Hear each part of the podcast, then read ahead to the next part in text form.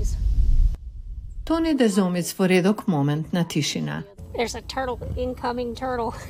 Таа најчесто пешачи во природа, само неколку месеци по борбата да го победи ракот на јајници повтор пат. Таа имала борба од поинаков вид.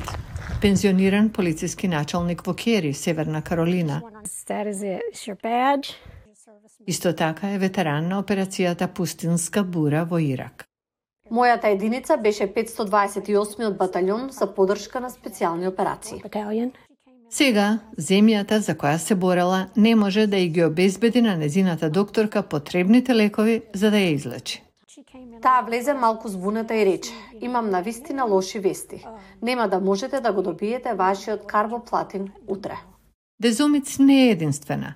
Универзитетот на Јута откри дека недостигот на лекови во САД достигнал рекорд минатата година со 309 дефицитарни лекови. Мнозинството се ефтини генерички лекови како карбоплатин.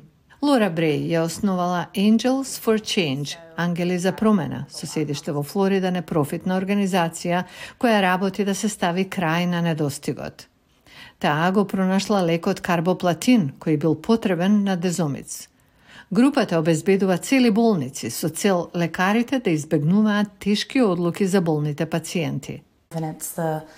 Тука се купувачот, фармацевтот, главниот медицински службеник. Тие отвораа досиеа и велат. Кој ќе го добие ова, а кој не? Тоа е нашата моментална стратегија за облажување на недостигот во САД. Конгресот го следи ова. Не можевме да третираме 90% од пациентите според планираното кои требало да го примат лекот.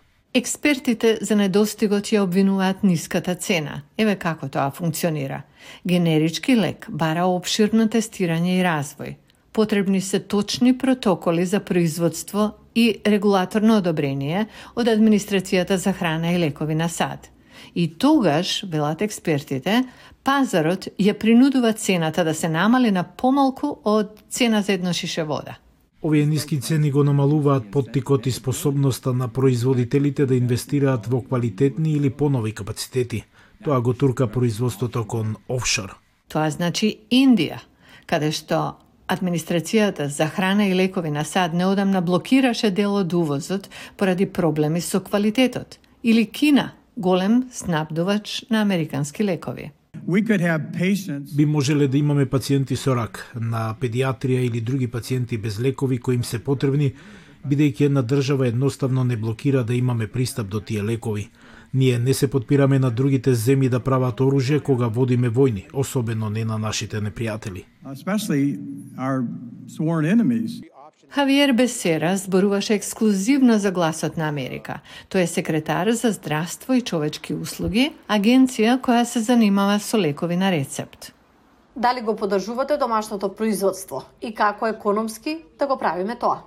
Апсолутно. И председателот беше многу јасен за ова каде што можеме треба да произведуваме дома. Дали го поддржувате зголемувањето на цената на овие генерички лекови? Ние поддржуваме разгледување на секоја опција што треба да биде на маса, бидејќи како што реков, пазарот е нефункционален кога станува збор за овие лекови. Секретарот Бесера вели дека неговата агенција прави колку што може додека да добие повеќе авторитет од Конгресот. Тоа овластување би можело да доведе до повеќе стимулации на производителите за да се затвори јазот. Ракот на Тони Дезомиц сега се повлекува, откако примила карбоплатин, лек кој спасува живот, ако е во недостиг.